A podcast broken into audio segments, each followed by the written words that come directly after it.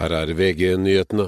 De 16 år gamle tvillingene Mina og Mille som døde i Spydeberg i januar i fjor, fikk ikke forsvarlig helsehjelp. Det er konklusjonen i tilsynsrapporten. Vi har kommet fram til at Mina og Mille ikke fikk den hjelpa de skulle hatt. Det vi ser i denne saka, er dessverre ikke svikt som bare gjelder Mina og Mille. Sviktende helskapelig hjelp til de barna som sliter mest, er en godt kjent risiko sa statsforhold til Liv Signe Navarsete. Minst 60 russiske soldater som hadde samlet seg til morgenoppstilling i går, ble drept av ukrainske HIMARS-raketter, ifølge flere medier.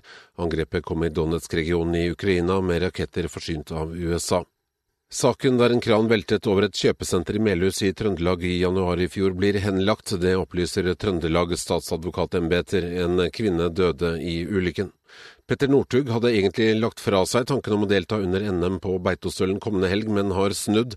38-åringen opplyser at stafetten på søndag er målet. I studio Frode Sti, nyhetene får du alltid på VG.